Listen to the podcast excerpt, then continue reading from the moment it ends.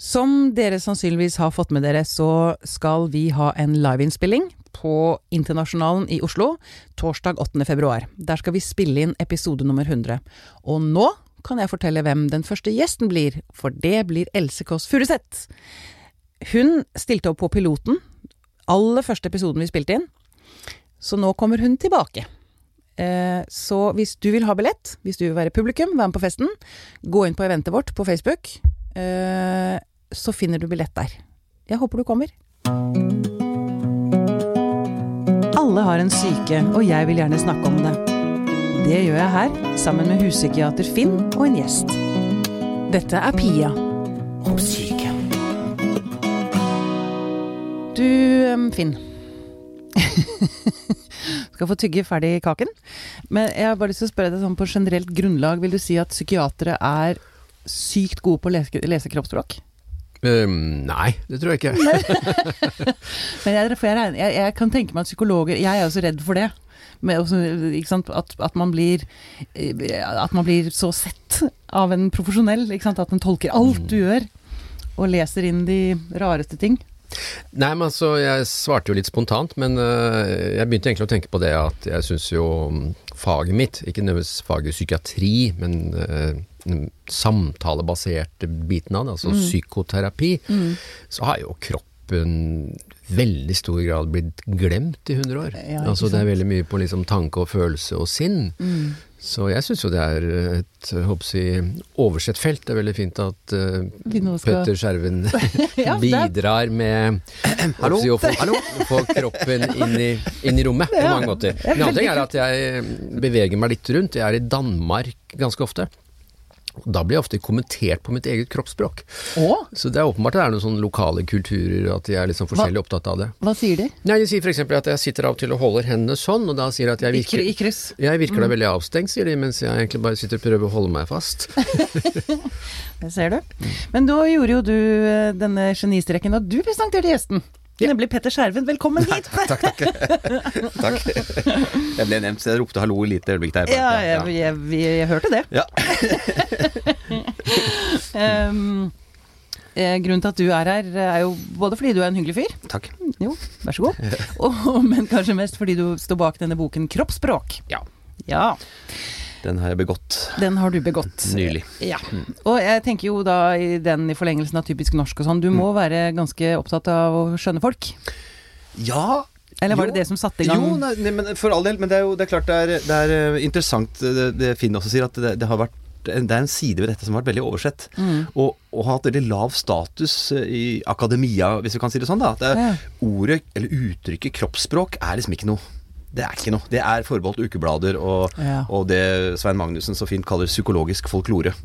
eh, altså et synseunivers eh, fullt av halvsannheter og ting man egentlig ikke vet så mye om.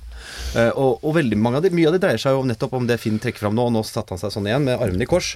Og liksom at ja, nå er du veldig Nå er du negativ, eller nå er du avstengt, og du er lagt det er sånne ting man måtte, er flasket opp med. ikke sant? Det, det kan jo hende at det rett og slett er fordi det ikke er armlener på den stolen Finn sitter på. ikke sant? At man må jo gjøre av disse armene noe sted. Så det, det er klart vi legger veldig mye i vi leser mye informasjon i veldig små eh, detaljer i livet som vi tror vi vi tror vi skjønner kroppsspråk ved å ta fram sånne helt enkle ting som dette. Mens det kanskje ikke dreier seg nødvendigvis om eh, akkurat hvordan du har armene. At man må liksom opp Min idé med boken er i hvert fall å prøve å komme litt opp og få litt mer overblikk over hvordan de ter oss, og Ja. hva vi kan lese ut av kroppslige sider ved mennesket. Ja, og ikke minst hvordan vi oppfatter ting. Nettopp hvordan vi tar inn ting. Ja. Men, um, og før vi går eh, dypere inn i kroppen, holdt jeg på å si, La oss, la oss. så har jeg lyst til å spørre deg Jeg regner med at du holdt på med denne boken i tre år, så vidt jeg husker? Ja. Ja. Fra som den spede begynnelse. Ja. Som en Og- veldig naiv kroppsspråkleser, Leser. vil jeg Ja, si. ja, for det er spørsmålet mitt. Er, ehm, Jeg regner med at du gikk inn i det med en del forestillinger. Altså, du har jo nå snakket med mange forskjellige. Altså Drapsetterforsker, hjerneforsker Nei, jo, drapsetterforsker, hjerneforsker, Ja. skuespillere, ikke sant? Mm, Psykologer. Psykologer. Ja. Um, du gikk vel inn i det med noen forestillinger, og så lurer jeg på om det var mye som endret seg underveis? Det var det, og de forestillingene er litt sånn som vi var innlednings, innledningsvis inne på her, at du tenker at du blir sett av fagpersoner. Man, man har en slags forestilling om at hvis man lærer seg dette, Så kan man Ja. bli liksom nærmest en levende løgndetektor, eller, eller ha et slags sånn kroppsspråksrøntgensyn og lese mennesker i- De passerer deg på gaten, så har du liksom masse informasjon om det mennesket. Det har vi for seg, i og for seg alle sammen. Men, men den forestillingen eh, fikk jeg liksom eh, lagt litt til side. Ja. Fordi det er jo ikke sånn at man eh, Mennesker man ikke kjenner, så man ser et lite blunk. Eh, Man kan ikke gå ut med en fasit om det mennesket ut fra veldig, veldig kort møte. Men vi gjør oss automatisk en mange eh, slutninger. Som vi har en tendens til å holde litt ved, selv om ikke de stemmer. Ja. Så Derfor er det, det er så mange forbehold i dette eh, tolkeuniverset av kroppslige signaler. Som, som, eh, så det går med på modenheten min i dette, har vært å skjønne at det slettes ikke er enkelt. Men, men være klar over mekanismene, være klar over hvor mye som fester seg ved et førsteinntrykk av en person. Og så være klar over at det slett ikke trenger å stemme. Og være klar over at vi har en veldig stor tiltro, tiltro til vår egen vurdering. Og vanskelig for å gi slipp på den vurderingen, selv om den er feil. Altså En del sånne mekanismer er alltid lærerikt å, å, å se inn i. Og da må man legge litt vekk dette. Hva betyr det å holde armene i kors? For det kan jo bety at man fryser. Det kan bety at man fryser. Det kan bety at sånn liker man å stå. Mm. Det kan bety at eh, det ikke er armlener på stolen. Det kan bety så veldig mye forskjellig. Og, og sånn sett så har selvfølgelig veldig mye av denne forskningen på kroppsspråk dreid seg om å se helheter og skjønne eh, hva er folks normal eh, tilstand. Hvordan, eh, og når man kjenner hverandre godt, så vet man jo om hva en normaltilstand for en person er. Og det er klart avvikene er mer interessante da, kanskje, enn en denne normaltilstanden. Ikke sant. Men for jeg tenker, Finn, for det må jo det er så For en terapeut, da.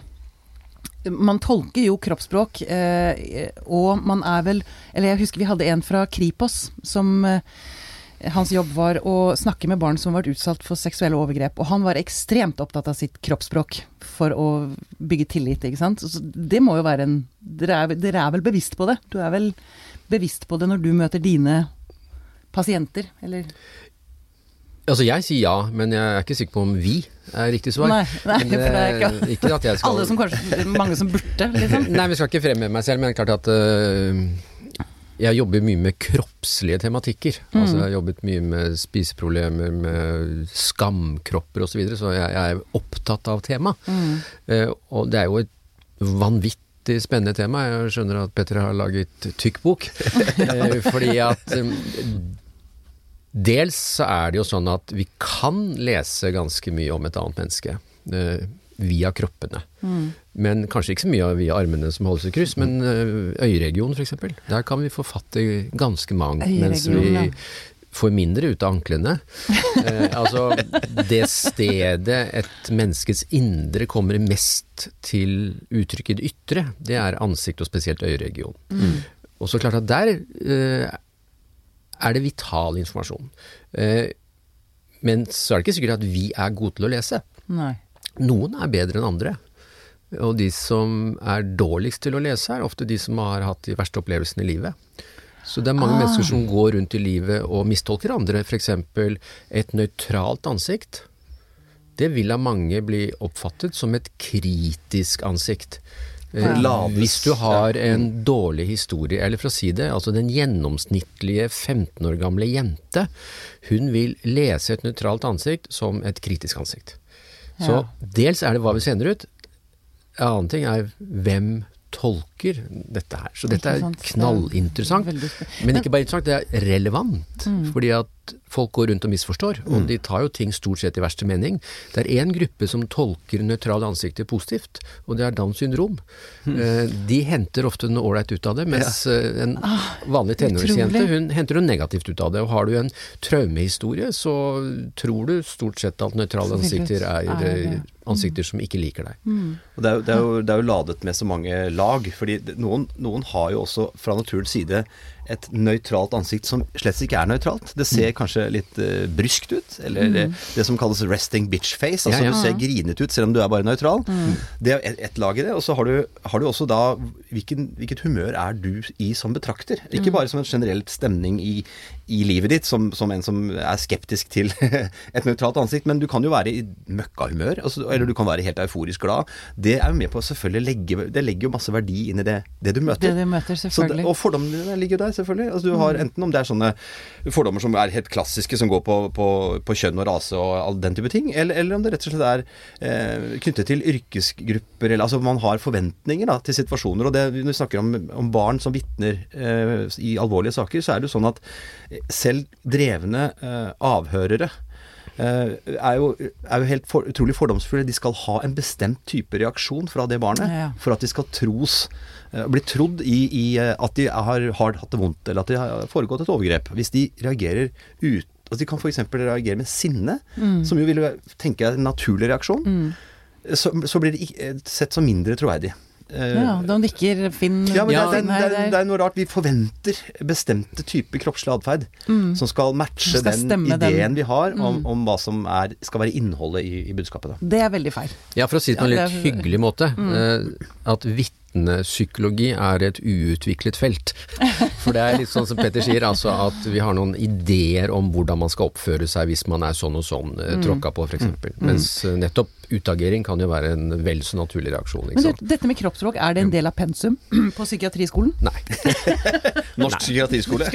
Altså, for å si det veldig enkelt, da. En eller annen gang så kløvde man uh, mennesket to. I en vestlig verden så gjorde vi det stort sett for 3000 år siden, mellom kropp og sinn. Eh, Men eh, legevitenskapen kløvde jo mennesket i to for 150 år siden. Så du har på den ene siden nevrologien, og så har du psykiatrien på den andre. Ja. Så nevrologene driver med nervetråder, men psykiaterne driver med sjel. Slik at psykiatrien er ikke noe god på kropp.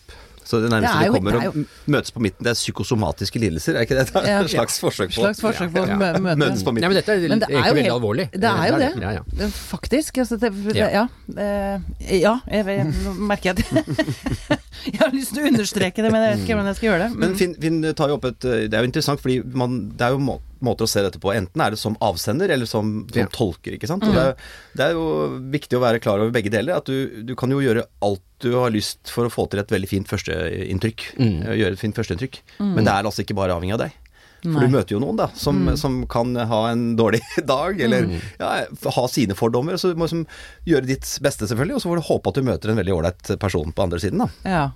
Men ja, ja ikke sant? For det, det, er ikke gitt, det er ikke gitt at én person kan styre et førsteinntrykk. Nei. Nei. Nei.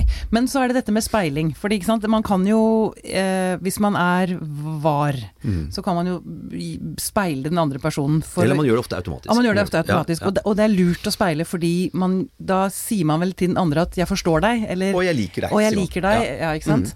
Det er også flørte Et slags tydelig tegn på at uh, flørt er på gang, er jo også speiling, ikke sant. Ja, og Ja. Petter skriver i boka at flørt er så universelt, altså flørteblikket, at Mm. det er vel nedarvet i oss. Altså, Ja. Det er noe vi har med oss. Ja. Og kroppsspråk er jo i en viss grad noe vi lærer eh, av kulturer. F.eks. Petter Skjerven går stort sett med sixpence. og det er, jeg det er ikke noe som ligger nedfelt i oss. Um, Men det er et kroppslig signal. men det er et kroppslig signal. Som, eh, han sender ut signal, men så er det andre ting som eh, er jeg, på tvers av kultur. Altså noe er kultivert. Det fins en veldig interessant fransk antropolog som i sin tid skrev en bok om kroppspraksiser. Da skrev han at under første verdenskrig så skulle britiske soldater ta over skyttergravene til franske soldater.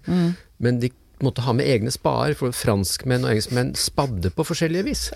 What? Og en eller annen gang på 30-tallet, hvis man skulle svømme, så var det vanlig å svelge litt vann, og så sprute vannet ut igjen, men så slutter man med det. Altså det er praksiser som er preget av kultur, og så er det en rekke uttrykk som ikke er kultur i hele tatt, men er universelle på kloden.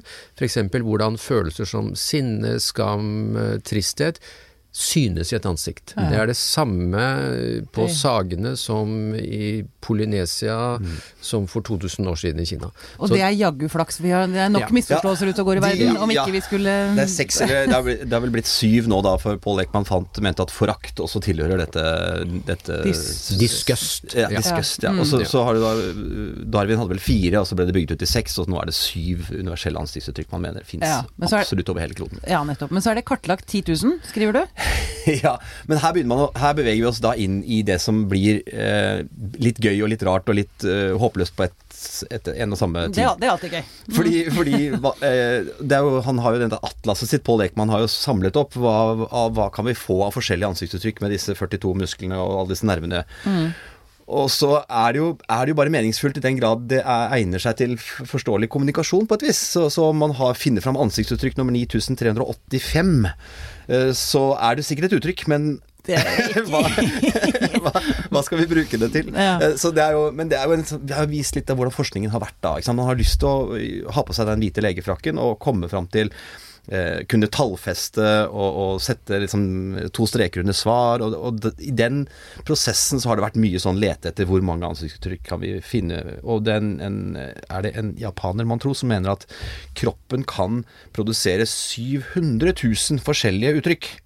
Ja. Men hva, men hva skal vi med det, på en måte? Det blir litt sånn så, så det dreier seg veldig om, om sosiale ferdigheter og sosial kompetanse, og det å, å være interessert i andre mennesker er jo mye viktigere selvfølgelig enn å kartlegge 10 000 forskjellige ansiktsuttrykk. ansiktsuttrykk. Så, men at det fins noe universelt er jo ganske viktig, og så kan man tenke at det er kulturelle forskjeller og, og sosialiseringsprosesser som regulerer hvor lenge vi skal holde håndtrykket gående før vi skal slippe, ikke sant. Eller, eller så barn har en tendens til å, å se på de selv den skumleste, skumleste skumle mann eh, le- altfor lenge. Altså øynene kan stå og gå og sitte og stirre på et, et veldig skummelt menneske, eh, mens man sosialiseres etter hvert at eh, det skal skal ikke se på noe mer enn tre sekunder, for da er det Nei, enten, det er enten så er det slåsskamp på gang, eller så er det flørting på gang, ikke sant. Ah, så så de, den type eh, atferd er en form for sosialiseringsprosess som pågår fra vi er babyer og til vi, blir- til vi lærer oss disse tingene. De fleste av oss, da. Ja, nettopp. Men du, snakka litt sånn flere Ta litt sånn populær kroppsspråkpsykologi, da. Ja.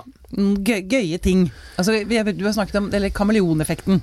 Kameleon. Ja, Mm. jo, jo, men, men det, dette, er jo, dette er jo psykologiske effekter, sånn som hele den spotlight-effekten og kameleoneffekten Mm. og, og, og glory-effekten og en del sånne fenomener. Så kameleoneffekten har jo med speiling å gjøre og evne til å tilpasse seg situasjoner. og at Mm.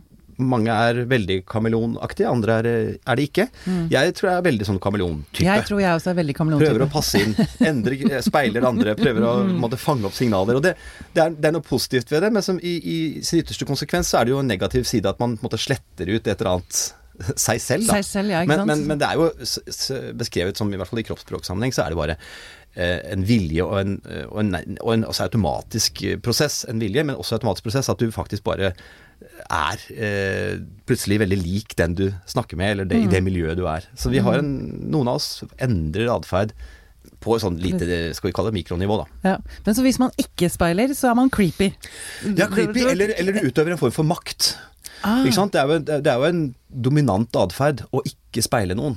Og, og, For da sier du at 'jeg er ikke interessert i deg'. Ja, Mm. jeg gidder ikke å Jeg har- steinansikt eller speil det, er, det er veldig sku, effektfullt og skummelt å møte mennesker, særlig i en hvor det er en form for maktforskjell, gjerne formell, altså sånn type sjef-ansatt. Mm.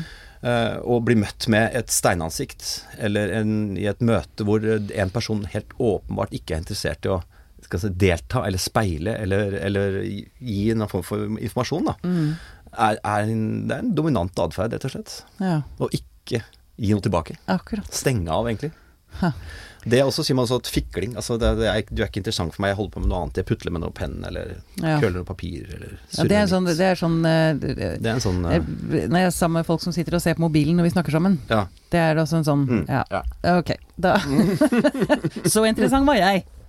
Ikke så veldig, ikke sant. Nei, ikke så veldig. Nei, så det er mange sånne småting man, man øh, Og som, som kanskje ikke skjer så veldig bevisst, men hvis man er oppmerksom på det, så, så skjønner man jo at ok, her er det, en, her er det statusforskjeller da, Ja, ja. ute og går. Ja, ja. Og her har vi jo Trump er jo et Ja. eklatant eksempel på Hans hånd, håndtrykk har vi jo ledd av mye. Ja, en, øh, Han har jo en sånn serie, det finnes jo øh, Selvfølgelig da rykke folk ut av balanse, som han jo har gjort en periode, er jo helt sånn klart liksom Det er så disrespekt. Altså det er, det er virkelig liksom ikke noen sosiale antenner i det hele tatt. Mm. Og så har han jo også disse harde, lange håndtrykkene som han aldri slipper. Og som Og gjorde så at han drar hånden Ja, han til, til, og så holder, holder, holder, holder. Så den japanske statsministeren, vet ikke om du så det klippet, Ja, hvor han, hvor han til slutt slapp, så himler han den japanske statsministeren med øynene bare sånn Hoi!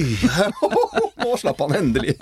Og så blir det en kamp igjen, for da er det han kanadiske statsministeren som uh, var forberedt og hadde liksom ting parat. Og så er det, kan man vri hånden selvfølgelig, og, og la den andre få hånden vende opp, mens du vrir din hånd så du har the upper hand, som det heter. Mm. Og så kan du begynne å, sånn som også Trump gjør, klappe med den andre hånden oppå den andre hånden igjen. Som liksom, ja, jeg, liksom velsignende atferd. Sånn type yes, dette skal gå bra. Ja, jeg er Gud.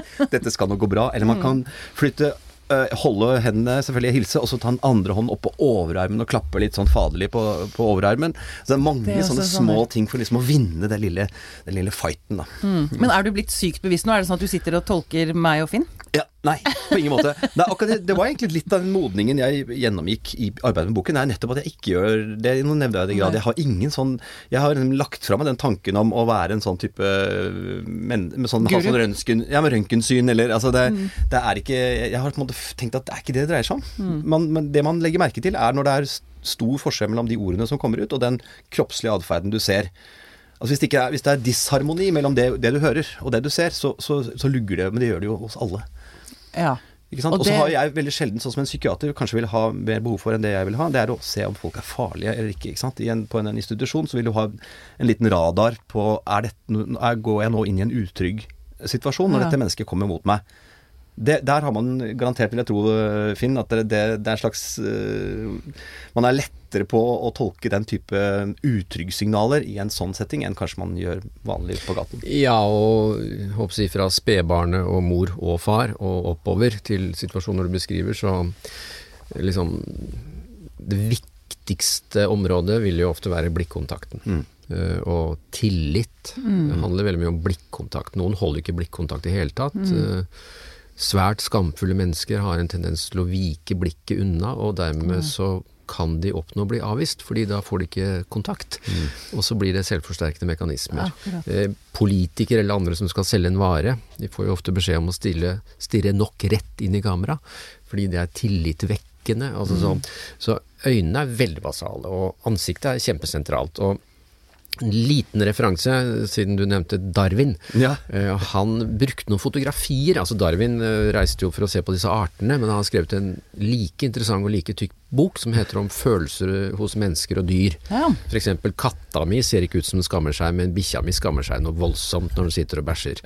Ikke sant? Eh, så, og mennesker, vi vet hvordan de ser ut når de skammer seg, og dette skrev han om. Og da mm. brukte han noen illustrasjoner fra en fransk nevrolog som het mm. Duchenne. Duchenne ja. mm. Han var også fotograf.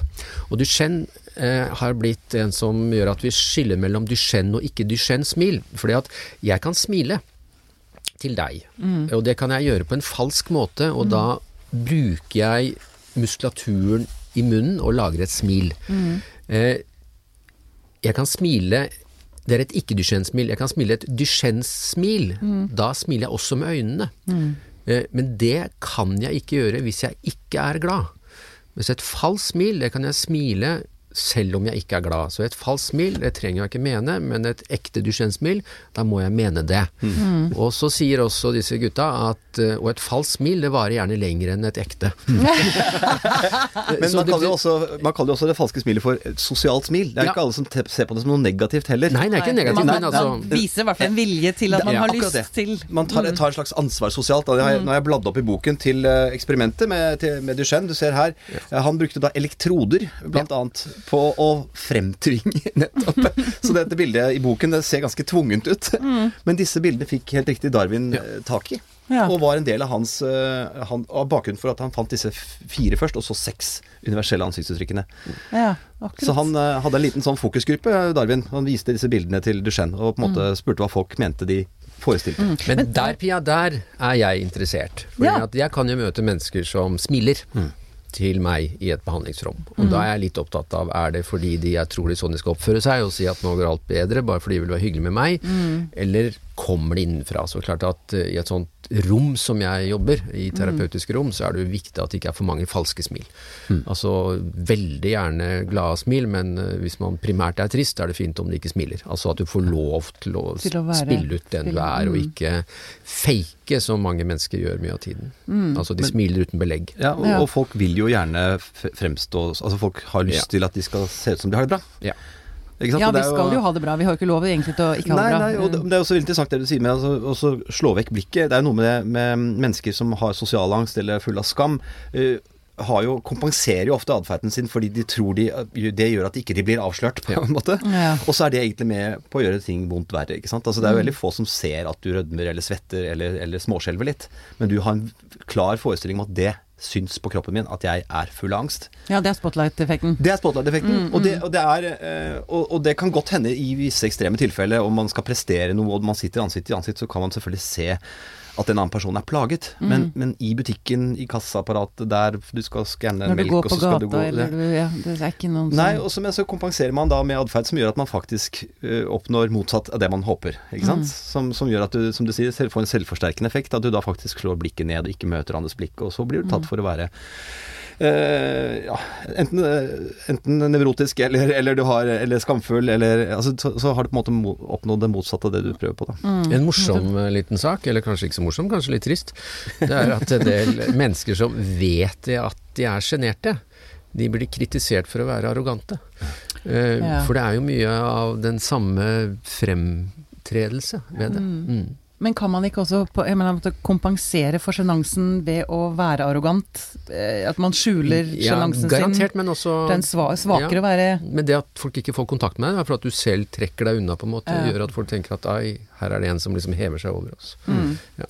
Og det, det, man, det man ofte ender opp med, er jo også at man blir litt statisk. At man ikke har en dynamikk i sitt eget eh, ansikt. Altså, det er jo ofte en viktig, som du, som du sa Finn, altså det med, dette med tillit eh, og troverdighet går jo ofte på blikk og blikkontakt. Mm. Men det går også på eh, hvordan vi opplever at den andre oi, sann, endrer ansiktet sitt i, i, på en måte, i takt med følelsene. At du ev evner å vise mange forskjellige typer følelser med ansiktet. Mm. Og at du bruker det tydelig, at du har et slags levende ansikt. Ja. Og at du- Botox er ikke, funker ikke så bra. Nei, nettopp. Det er akkurat det. Da blir det plutselig litt sånn eh, Da blir det litt rigid igjen. Men, men altså, det er noe med, det, er noe med det, det er en viktig del av det å bli oppfattet som tillitsfull, er, er evnen til å ha blikkontakt, og også evne til å, å bruke ansiktet eh, for det det er verdt. Og det, det kan også eh, på en måte påvirke empati, følelsen av at nå skjønner du hva jeg føler, fordi jeg ser det på ansiktet ditt. Ja, ikke sant. Og den type, Mm. den type ansiktsdialog eller respons er, er en viktig del av det Og, Ja. Og skal, jeg, skal jeg fortelle en skummel Botox-historie? Ja. Ja. Det er så bra, jeg trenger ikke stille spørsmål med dere to, jeg kan bare sitte og lytte. Nei, altså, vi skal ikke mm, si, dramatisere eller demonisere, men det er klart at uh, Botox er jo et slags estetisk ideal, da, at du ikke skal se ut som du er så gammel som du er. Ergo skal du ha en eh, glatt panne. Når du bruker det på den måten Det er jo ellers et effektivt legemiddel mot uh, lidelser. Ja, ja. rykninger og en del sånne ting. Ja. Men da kan du møte en glatt panne, dvs. Si at kommunikasjonen blir hemmet. Altså det er vanskeligere å vite hvor den andre er, for det mest uttrykksfulle stedet, altså ansiktet, er der hvor vi stort sett er nakne, ellers kler vi på oss, eh, så ryker en del kommunikasjoner, og det kan hemme kommunikasjon. Men det hemmer også kommunikasjon for den som har tatt Botox. Fordi at noe av kontakten med eget følelsesliv har vi via mimikken i ansiktet. Så jeg føler mindre meg selv når jeg har tatt Botox i panna. Det er ikke bare du som føler meg mindre, men jeg føler meg selv mindre. Slik at det er fordi Fordi at kroppen påvirker psyken, ja, for liksom. vi er i dialog. Sinn og ansikt og kropp. Vi, vi snakker med oss selv via vår gestikk og via ansiktet. Så når jeg skal være skikkelig bøllete, så sier jeg at det er en sånn Det er en light lobotomi, sier jeg da. Det, det kalles jo facial feedback hypothesis. Det er vel Ja. egentlig også et darwinistisk uttrykk, eh, jeg tror jeg, hvor de var nettopp Og det har vært sånn Det har svingt litt opp og ned hvor, hvor mye fester det har hatt i vitenskapen. Men det går også på andre, kropp, andre kroppslige tilstander. Kan, eh, kan du gjøre noe med kroppen for å frembringe en følelse? Ikke sant? Dette er også skuespillere som bruker Ja. seg den, teknikken. Ja. Og, og James og Lange mente vel at hvis du løper fort nok, så blir du redd. Altså de, de, de ser for seg at den kroppslige responsen eh, De så jo for seg at uten den kroppslige responsen fantes ikke følelsen. De var jo ganske hardcore på det. Men dette er jo hele tiden tilbakevendende eh, ting i psykologien, og i, eh, også på en måte for, for folk som driver med, med eh, lingvistikk, altså språklig, og det fremføre ting muntlig, og manne seg opp eller kvinne seg opp til å gjøre ting og mestre ting og prestere, ikke sant, på en scene f.eks. Løfte armene Ja, ikke sant. Er det power poses og sånn, som viser seg å være litt Det er under hardt skyts om dagen, akkurat den biten der, men det går på akkurat det samme. Det å stå i positurer for å, for, for å påvirke hormonene hormonbalanse og den, den, type ting, men også for å lure seg selv litt. Det er jo også det. det er, jo også på en, dette er jo en form for placebo eller priming, som man kan kalle det. At man setter seg i en tilstand, man later som om, og påvirker seg selv og sin egen syke. Men dette med ansiktet, der snakker man om at det er nesten en sånn hardwire mellom rynkene. altså den mimikken du har, mm. og den følelsen som ligger et eller annet sted inni, i, inn i, hodet. Og hvis du tar bort det som vi snakker med Botox, tar bort den muligheten for kommunikasjon fra ansikt og inn Så sender de ikke signalene, liksom? Nei, nettopp. Så, så preger det rett og slett mm. din evne til å føle. ja. Det er, det er veldig fascinerende. Og jeg tenker jo, sant, Når vi snakker om dette, så tenker jeg det, det er jo utrolig mye vi lærer helt automatisk. Vi kan jo utrolig mye om kroppsspråk egentlig intuitivt. Det, det, det fordi vi har testa og sett hva som funker og ikke funker, og noen mer enn andre, selvfølgelig. Ja, Og det vises i hvor mye vi legger i et førsteinntrykk, f.eks. Ja. Mm. ja, ikke sant. Ja, altså Der lagrer vi en masse informasjon om en person på, på bakgrunn av veldig lite informasjon, egentlig. Mm. Uh, og det er vår, det er vår sam, oppsamlede livsvisdom på et eller annet vis, som mm. går på autopilot og henter ut en masse informasjon. Mm. Som vi snakket om tidligere, som ikke trenger å stemme. Men det er, jo, det, er jo, det er, jo, vårt oppsamlede erfaringsarkiv mm. som legger inn en masse informasjon i det vi møter et nytt menneske. Ja. Men jeg synes det er så interessant, sånn som vi snakket om innledningsvis med, med, psykiatri og ikke så veldig opptatt av kropp, som er, er, jo egentlig helt skandaløst. Ja, ja. Der fikk jeg understreket det. Um, men du skriver at mengden informasjon som går til hjernen er ni ganger større enn den som går fra hjernen.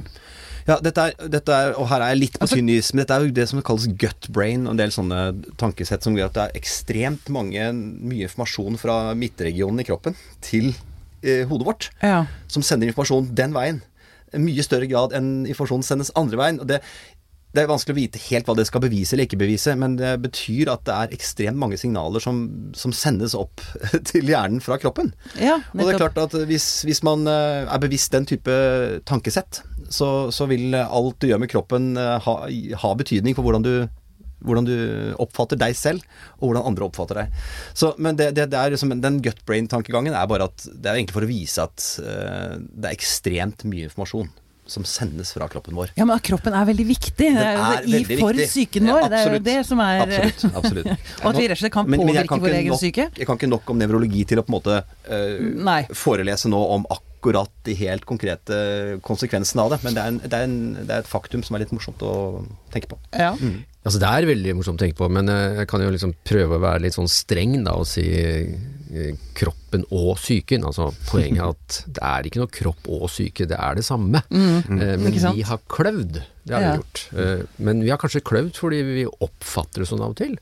Altså, vi tenker ikke så mye på kroppen vår, unntatt når den er plagsom. Altså Når vi har gnagsår, så tenker vi på kroppen. Og når vi har liksom vondt i magen, tenker vi på kroppen. Men når vi har det veldig bra med kroppen, da tenker vi ikke på kroppen.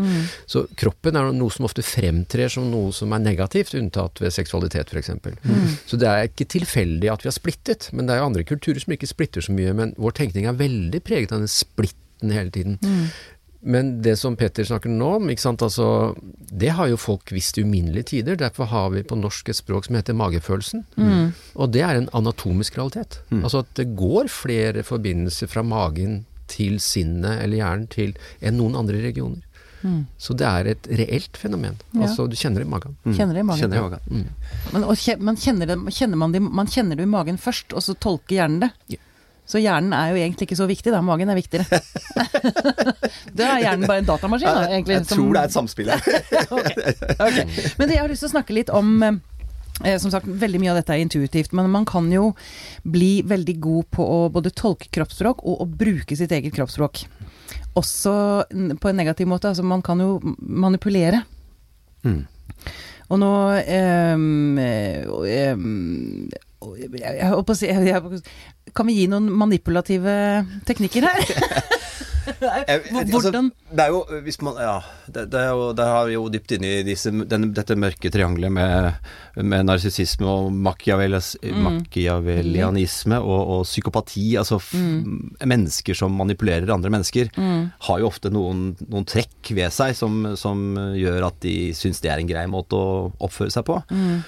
Men om det har noe helt distinkt kroppsspråk, det må i så fall være Det som ofte preger den type mennesker, er vel en sånn innledningsvis utrolig eh, strømlinjeformet, eh, vennlig, eh, nesten for glatt atferd. Altså at man er overstrømmende, ekstremt oppmerksom. Mm. Som er et sånt veldig korttidsfenomen, egentlig, da. Fordi man jo prøver å bygge en form for tillit man senere kanskje ikke følger man Som man senere utnytter. Ja, for eksempel, for eh, eksempel. Kan, kan gjøre. Ja. Mm. Så, så akkurat hva, hva man, skal, om man skal si at det finnes noen, noen direkte kroppslige sider ved det, det er vel da Det må jo være den type atferd som, som, eh, som innbyr til tillit, men som har, er en slags skinntillit, da. Ja. Vil jeg tro. ja. Jeg vet ikke om du tenker Finn, noe om det? Jo, mange av de er jo faktisk veldig gode til å oppfatte hvor den andre er. Altså de er ganske gode til Ja, å lese, men de er gode til å lese uten at empatien er kobla på. Altså Så det blir fort at jeg er god til å finne ut dine svakheter, slik at jeg kan bruke det i egen vinningstjeneste, eller i sadistisk uh, sammenheng. Mm. Så de er ofte gode mindreaders, disse psykopatiske menneskene. Men de mangler den Empati, der eh, moralske emosjonelle koblingen der. Ja. Ja. Så det, så det er jo ofte ikke så lett å egentlig se det før det har gått en tid. Ne. Det er ofte som hvis du har en psykopat som sjef, ikke sant, så, Mm. så er jo det greit i og for seg i den forstand at en sjef-ansatt-forhold varer jo over en viss tid, og man vil jo da antageligvis ganske tidlig merke at her er det noe som skurrer. Jeg Mm. hadde et kjempepositivt inntrykk av dette, og, og, og som, som Finn sier, kanskje den sjefen har nettopp lokka ut av deg masse informasjon, kanskje sensitiv informasjon, eh, opp, opparbeidet et tillitsforhold som senere kan misbrukes. For hvis man, å, hvis man begynner å gå, og hvis historiene er altfor flotte og alt, Det er jo ofte mennesker som kommer med de helt, helt villeste positive historier rundt sitt eget eh, liv, og hva de har oppnådd, og hva de har gjort. Og Hvis man begynner å pirke litt i det og stille spørsmål, og, og stille spørsmål om igjen, så, så kan det hende at det rakner litt mm. etter hvert. Ja. Men det er jo kanskje vel så viktig i et sånn type påbegynnende kjæresteforhold, da. Mm. Ja, og, å se den type atferd. Nettopp. Um, andre ting, eh, Petter, som du tenker er eh, Som, som du syns var morsomme å oppdage. Morsomt å oppdage. Ja, det, det, det morsomme er jo egentlig hvor stort feltet er. Hvor enormt eh, omfattende eh, si, materiale det fins av forskning over hele kloden på, på kroppsspråk, og hvor lite vi har hatt av god litteratur på norsk, eh, skrevet av norske forfattere. Eh, og, og den erkjennelsen av hvor uglesett det er som begrep, eh, men hvor viktig det er som menneske å, kjenne til disse tingene. Men altså, morsomt. Jeg syns det var veldig gøy å gå inn i det universet som kalles løgn og bedrag. Fordi veldig mye av forskningen rundt kroppsspråk har dreid seg om, om hvorvidt vi skal kunne klare å avsløre løgn Eller, ikke eller ikke. Uh, og der har det, har vært mye gøy, altså. Og, og den tidligere nevnte Paul Ekman har jo jobbet ikke bare med å kartlegge 10 000 ansiktsuttrykk, han har jo jobbet med det som kalles micro expressions, altså mikrouttrykk. Og der, det har vært en stor idrettsgren innen denne, innen denne forskningen å prøve å avsløre skjult eh, informasjon. Eller skjulte følelser, eller fortrengte følelser.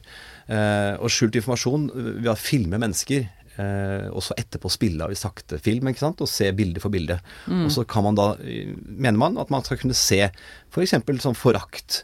Uh, at det kommer et lite glimt av det. Et lite, vi snakker om femtedels sekund, et lite eh, ikke sant? en eller annen rykning som- rykning som er et eller annet der. Mm, mm. Dette er den egentlige følelsen som Ja. lekker ut.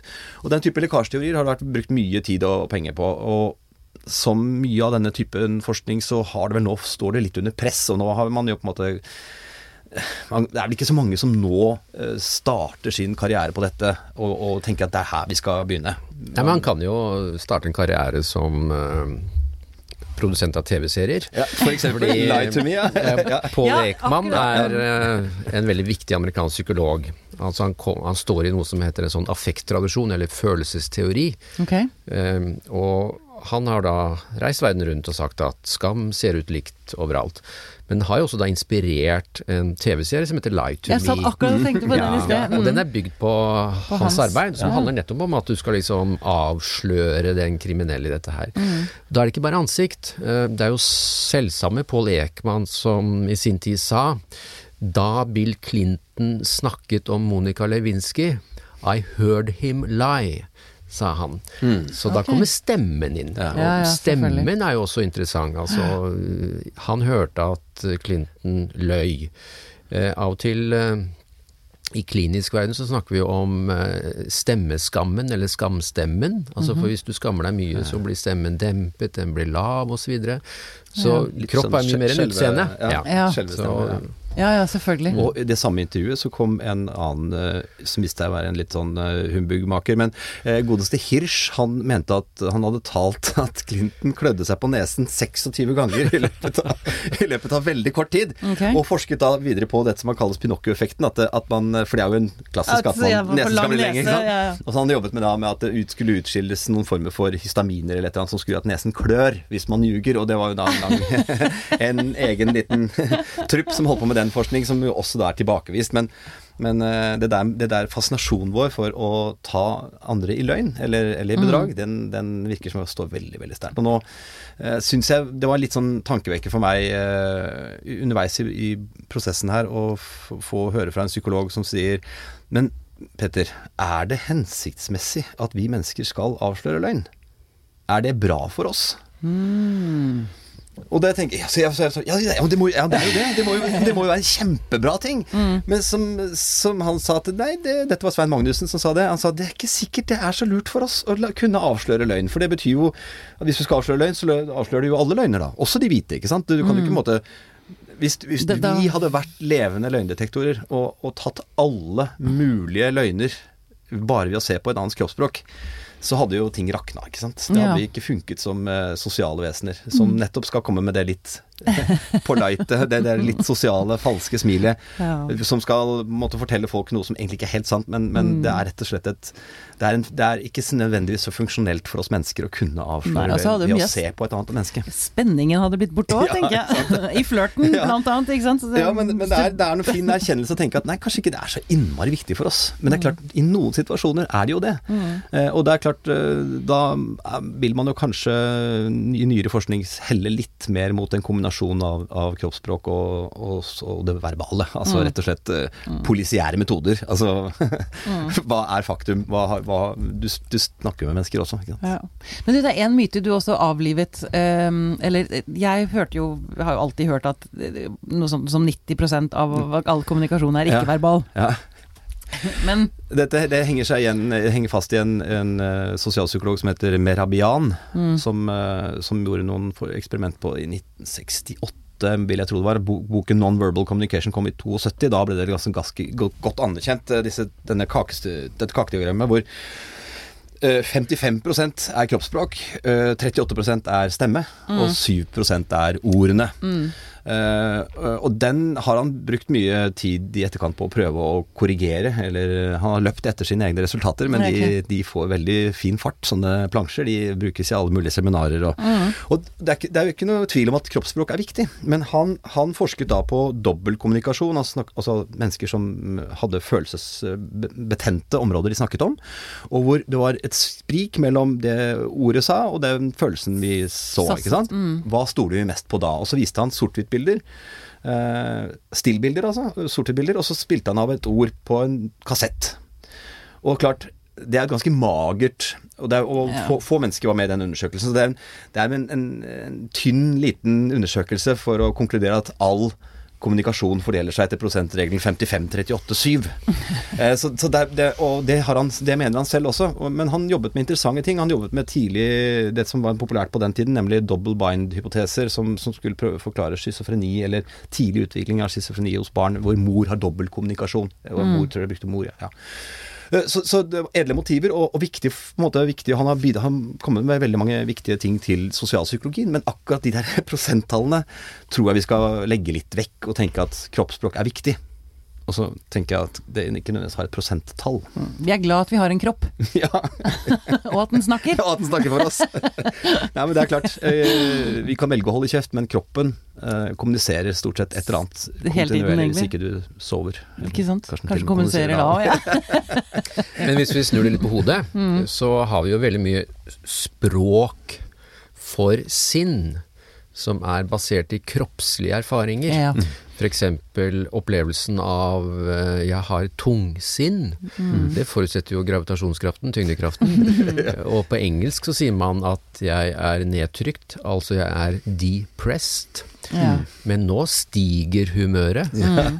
Eh, nå er det lettere. Ja, Eh. Nå er jeg helt til topps. Altså at det er jo kroppslige erfaringer med å bevege seg rundt i verden og livet som gjør at vi også lager oppsi et språk. Eh, og bare for å gå til neste system, til fordøyelsen. Den bitre sannhet, den var hard å svelge, det er til å spy av, det kan jeg ikke fordøye. Så, så kropp og språk og sinn er mye mer sofistikert vevd sammen. Og derfor også magefølelsen. Altså, og da blir det gøy. Da, da Det er, det er veldig gøy. Men du, hvis du er deprimert, så føler du deg også gjerne tung.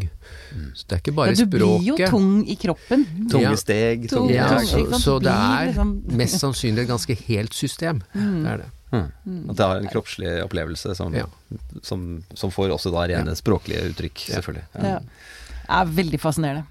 Veldig fascinerende. Eh, Er det noe dere har lyst til å føye til her på slutten? Nå har vi snakka i nesten en time. Vi har gjort det. Nei, hva skal man si? Jeg kan si en liten ting som er et sånn evig hangup. Dette starter når barnet er nyfødt. Ja. Og stort sett er det en mor, det kan være noen andre, men stort, da begynner det.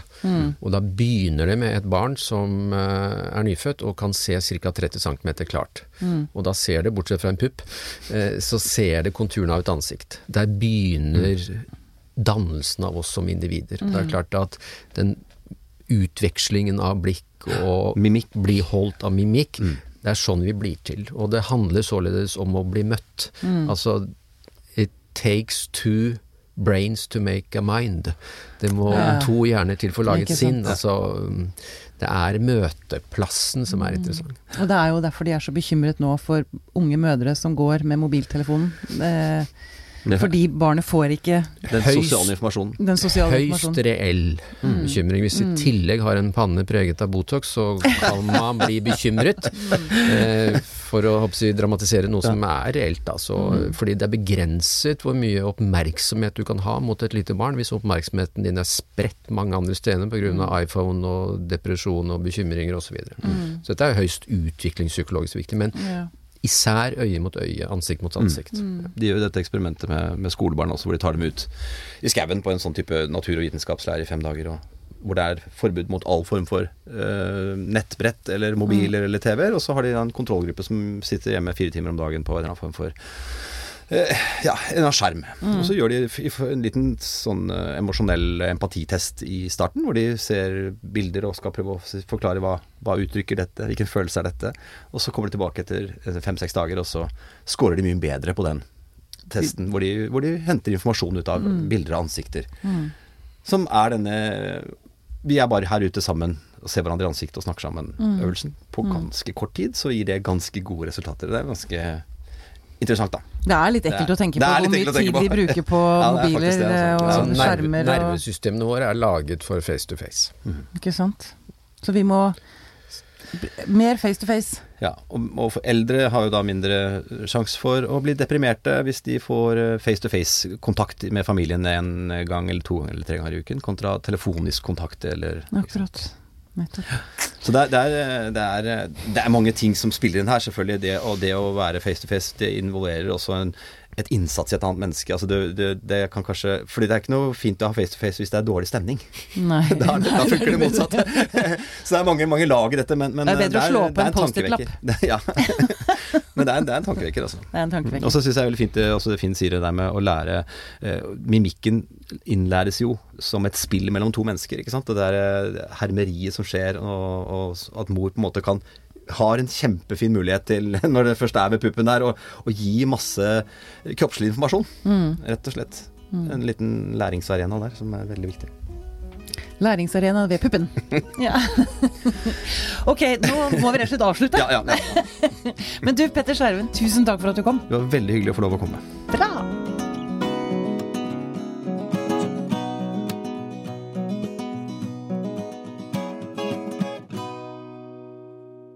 Denne Podkasten er produsert av Tid og Lyst.